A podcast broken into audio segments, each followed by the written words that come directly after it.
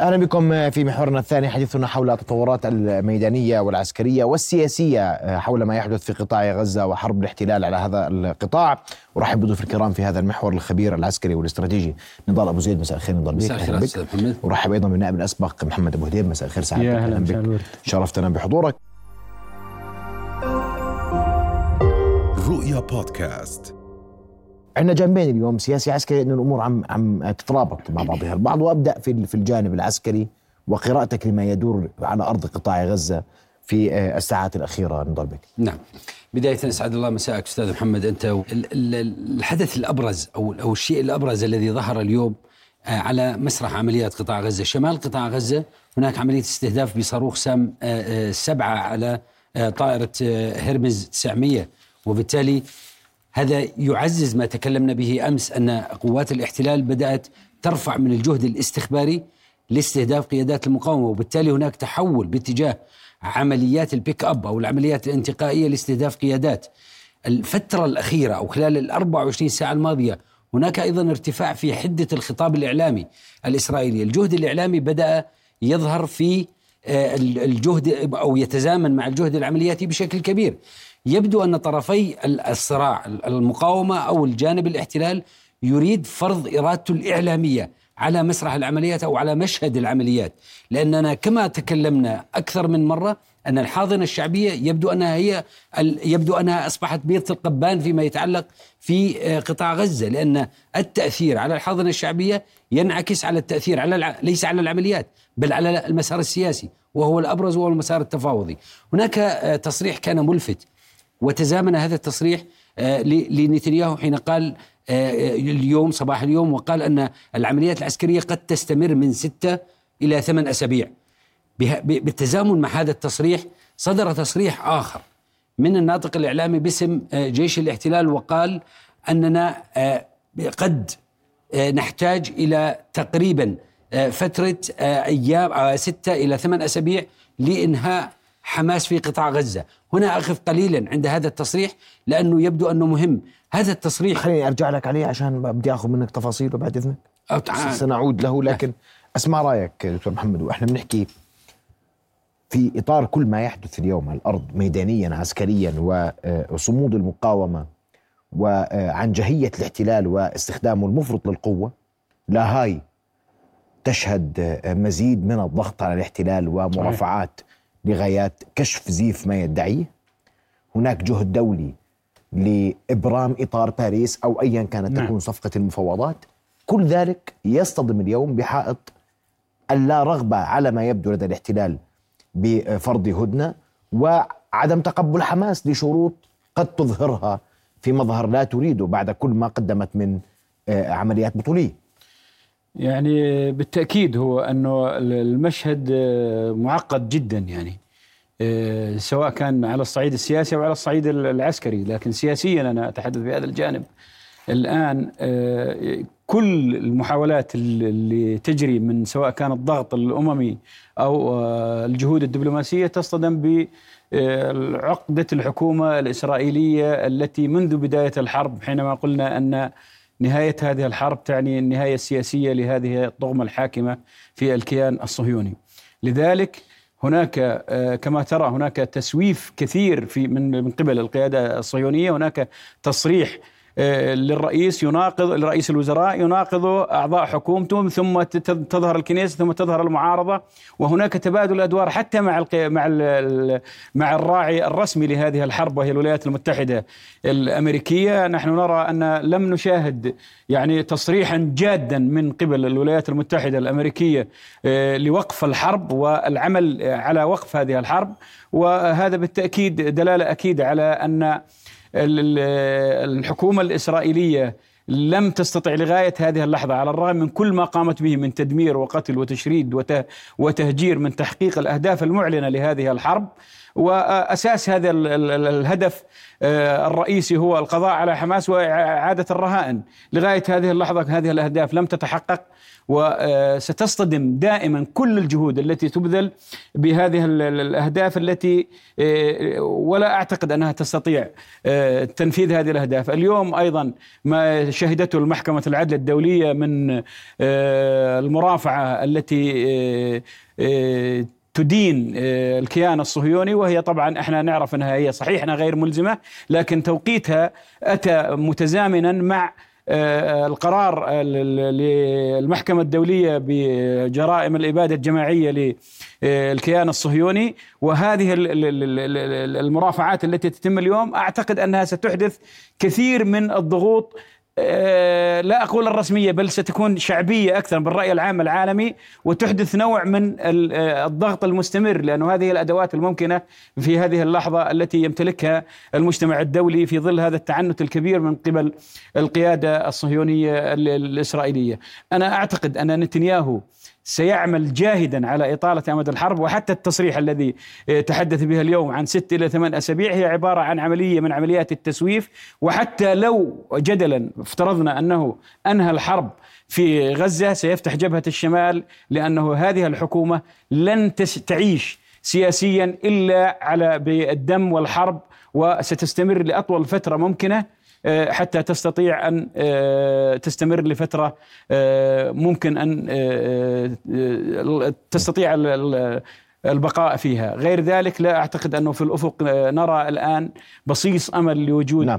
آه، حل وبس نقطة بسيطة. تفضل. يعني آه، للأسف الشديد كمان يعني أنه آه، العجز العربي بات واضحا جليا ونقطة مساعدة للتعنت الإسرائيلي لأنه لم يغير العرب ولا أي مقاربة جديدة منذ بداية العدوان لغاية هذه اللحظة على الرغم من أنهم يعني كانوا في البداية من الناس اللي يدعوا إلى الحل الدبلوماسي والتهدئة والفتح الطرق لكن ثبت أن العالم لا يعير لكلامهم شيئا. فأنا أعتقد أن على العرب الآن آه، أن يكون تكون لهم مقاربة مختلفة وخصوصا أن النار بدأت تقترب كثيرا نحو آه، المناطق المحرمة مثل آه، سيناء مثل رفح وأيضا الضفة الغربية تسير بنفس الطريق طيب. عن طريق هذه توقفت معك. ست إلى ثمان أسابيع تصريحين متطابقين بين العسكر بين الجناح العسكري والجناح السياسي في حكومة الاحتلال نعم.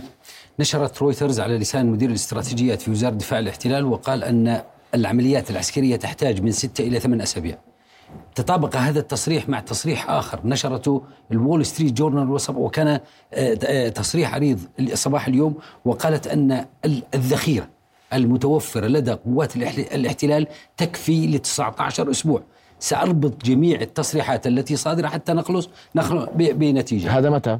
هذا صدر بول ستريت جورنال بعددها يوم أمس. نتنياهو قال أننا قضينا على ثلث قوات المقاومة أو ثلث كتائب أو ثلاث أرباع كتائب المقاومة. الناطق الإعلامي باسم جيش الاحتلال صدر اليوم وقال أننا 18 كتيبة من المقاومة تم القضاء عليها. ماذا تعني كل هذه التصريحات؟ إذا ما ذهبنا إلى تصريح الست إلى ثمان أيام وربطنا هذا التصريح آه ست إلى ثمان أسابيع. وربطنا هذا التصريح بالثلث آه آه ثلث آه ثلاث أرباع كتائب المقاومة. وربطنا هذا التصريح بال 18 كتيبة التي تحدث عنها الناطق الإعلامي باسم جيش الاحتلال. هذا يعني أن تقديرات الأجهزة الاستخبارية للاحتلال تقول حسب تقديراتهم أن عدد كتائب المقاومة هي 24 كتيبة بناء على تصريحاتهم. هذه حقائق وليست تقييمات. الآن عندما الاحتلال يقول أن هناك 24 كتيبة قضي على ثلاث أرباع وحسب تصريح نتنياهو هذه الكتائب إذن 18 كتيبة من المقاومة تم القضاء عليهم بناء على تصريحات الاحتلال. متبقي ست كتائب وحسب تصريحات الاحتلال. طيب بعد هذا التصريح كله وحديث الول ستريت جورنال التي قالت أن 19 أسبوع تكفي الذخيرة المتوفرة لدى قوات الاحتلال. إذا نتنياهو أو, أو مدير الاستراتيجيات في وزارة الدفاع استند إلى تقييم الستة إلى ثمان أسابيع أن جيش الاحتلال في كل شهر يقوم بكل شهر لأننا اليوم في الشهر الخامس منتصف الشهر الخامس من العمليات العسكرية. أي بمعنى أنه كل شهر يقوم ينجح الاحتلال بالقضاء على أربع كتائب بمعنى كل أسبوع هناك كتيبة. بالمنطق وبالعرف العسكري هذا ليس منطقيا. وسأبقى مع تصريحات الاحتلال. إذا ما تقديرات الأجهزة الاستخبارية للاحتلال تقول أن هناك 24 كتيبة.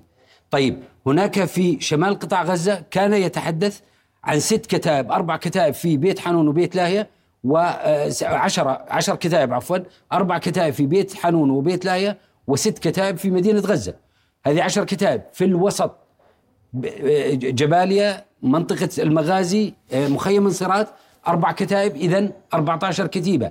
في خان يونس هناك لواء ست كتائب إذا نتحدث عن أرقام كبيرة من أرقام كتائب المقاومة قسام إذا أين باقي الكتائب الذي يتحدث عنها الاحتلال إذا كانت تقديراته كلها تستند فقط على كتائب القسام ونحن ندرك وشاهدنا بالمقاطع أن هناك كتائب أبو علي مصطفى الجبهة الديمقراطية أن هناك كتائب أبو عمر آه، كتائب عمر القاسم الجبهة الشعبية هناك كتائب المجاهدين هناك شهداء الأقصى.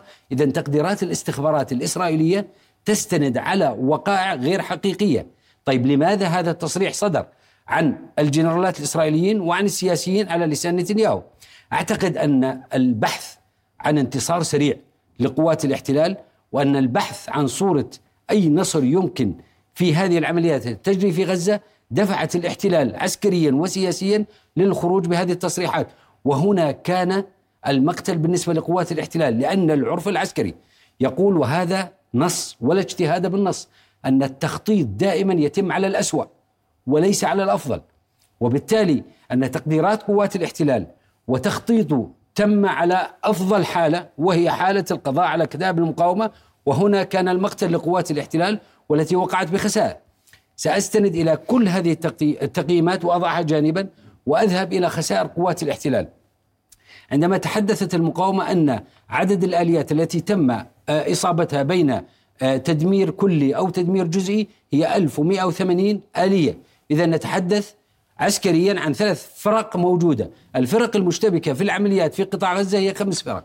الآن ثلاث فرق وحسب تقديرات الإصابات في الآليات هذه الثلاث فرق تعرضت إما لخس... لإصابات إلى تدمير كلي أو جزئي، اذا هناك ثلاث فرق تعرضت للإصابات من خمس فرق مشتبكة في قطاع غزة، وبالتالي كل هذه الأرقام تؤكد أن كل الأرقام التي صدرت على لسان جنرالات جيش الدفاع خلال اليومين وعلى لسان السياسيين هي غير حقيقية واستند عليها الاحتلال من باب إظهار صورة نصر يمكن أن يستند عليه أو يرسم له صورة نصر مزيف إذا ما أخذنا بعين الاعتبار وقائع على الأرض أن خان يونس تقاتل منذ 60 يوم ولا يزال الاحتلال يعجز عن التوغل داخل خان يونس التي يتواجد فيها لواء النخبة وهو لواء خان يونس. نعم.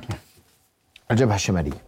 وأنت أنت حكيت بوضوح أن انتهاء معركة غزة نعم. والحرب والعدوان الهمجي على قطاع غزة نتنياهو لن يكل أو يمل وسيفتح الجبهة الشمالية، يجرؤ نتنياهو اليوم على فتح الجبهة الشمالية؟ شوف أنا أعتقد جازما إذا قدر له وأنا أعتقد إن شاء الله إنه ما راح يقدر يعني آه، أن ينتصر في آه، الجبهة الجنوبية آه، لن يترك سيكون الهدف الثاني حزب الله مهما يقال الآن ومهما بدك هو خلينا نتفق إنه هو ايا كانت تكون النتيجه سيدعي النصر. بالتأكيد. آه. هو ادعاء النصر اليوم بعدين؟ ادعاء النصر شوف يعني اللي يجري على الجبهة الشمالية واضح أن هناك تصعيد آه، متصاعد. يعني حتى جزء كبير من القوات اللي اللي كانت موجودة في الجنوب تم نقلها إلى الشمال. يعني ما ودي أتعدى على دور المحلل العسكري يعني الفريق الجولاني والفرقة الثانية هذه. واليوم الطائرات اللي كانت شنغرات ذهبت إلى أبعد مما كان متفق عليه اللي إحنا قلنا هذول متفقين بين بعض بقواعد اشتباك تضرب هون أنا بضرب هناك أرض فاضية مدني مع مقابل مدني. لا اليوم صار في بالعمق صار في استهداف في قادة قتلوا في بنى تحتية تم تدميرها في كذا. فأنا يعني جازما ان ان أن آه، آه، نتنياهو سيفتح جبهة الشمال عاجلا أم اجلا لأنه جزء له علاقة بالسياسة لإطالة عمره كما اتفقنا منذ البداية. والجزء الآخر هو يعتقد أنه لا يقبل يعني والحكومة المتطرفة وما هم موجودين فيها ببقاء حزب الله يمتلك كل هذه القوة وهو يعني يعتبر تهديد حقيقي بالنسبة للصهاينة. وأنت تعرف أنه في حوالي أكثر من 300 ألف صهيوني الآن ساكنين بالفنادق وتصرف عليهم الدولة ومزارعهم وكلها ما يقدروا يدخلوها. وهذا لن لن يكون يعني ببلاش عند عند اليهود. لكن المعطيات إنه السنة اللي إحنا فيها هي سنة معقدة بالغة التعقيد. يعني الولايات المتحدة في سنة انتخابية. آه، بايدن تصريحاته مرة شمال مرة جنوب مش مش واضحة. قياده وزير الدفاع مريض. المؤسسات اللي عنده عندها آه، تقييمات مختلفة. بدهاش توسع الحرب. لاحظ أنت كيف تعاملهم مع آه، ما يحدث في البحر الأحمر. يعني كان الناس متوقع إنه يكون الرد غير ذلك. يعني الحوثيين يوميا يهددوا الملاحة الدولية في في البحر الأحمر ويقطعوا السفن ويقطع الإمدادات وكان وفي بالفعل يعني في تأثير للتجارة الدولية كامله بهذا الإطار. فأنا نتنياهو إن بقي على الحكم. أنا أعتقد إنه إذا حصل في معضلة الرهائن الآن ومعضلة إنه لم يستطع الحصول ولا على أي قائد من قادة حماس اما قتلا أو اسرا لذلك بعد ذلك يعني سيكون هناك في الداخل الإسرائيلي تحرك كبير ضده. آه، أما إذا بقي الحال على ما هو عليه فهو لن يكون أمامه أي وسيلة أو سبيل إلا فتح جبهات متعددة حرب وهو أنت كما تعلم حينما ينتهي من من حزب الله يقول يجب أن نحارب من صنع حزب الله هو يريد أن يفتح يريد أن يورط أمريكا في حرب مع إيران في هذا في هذا نعم. لكن الظروف اللي موجودة فيها الولايات المتحدة الأمريكية كسنة انتخابية وهبوط شعبية بايدن وكذلك التعقيدات اللي واجهتها أمريكا في المنطقة يعني هناك تعقيدات كبيرة. الخروج من أفغانستان ما يجري الآن في آه، العراق في سوريا في البحر الأحمر. كل هذه والحرب في أوكرانيا. وأنت تعرف أن أوكرانيا بدأت تخسر كثيرا الآن من خلال لا. آه، ما يجري من خلال عدم قدرة الحلفاء على الإيفاء بمساعداتهم. يعني الآن الجهد الحربي الأمريكي الأغلب موجه ناحية إسرائيل. صحيح زي ما حكى الزميل قبل قليل أنه الذخائر لا تكفي أيضا لكن هم أقروا أيضا مساعدات ب 14 مليار دولار لتقديمها وحزمة أسلحة وذخائر أرسلها بلينكن قبل ما يوصل لإسرائيل كل, كل هذه المعطيات يعني يجب أن تؤخذ بعين الاعتبار لأي مرحلة سياسية قادمة. واضح جدا بدي أشكركم شكر ضيوف الكرام شكرا لكم معنا إلى شكرا جزيلا. رؤيا بودكاست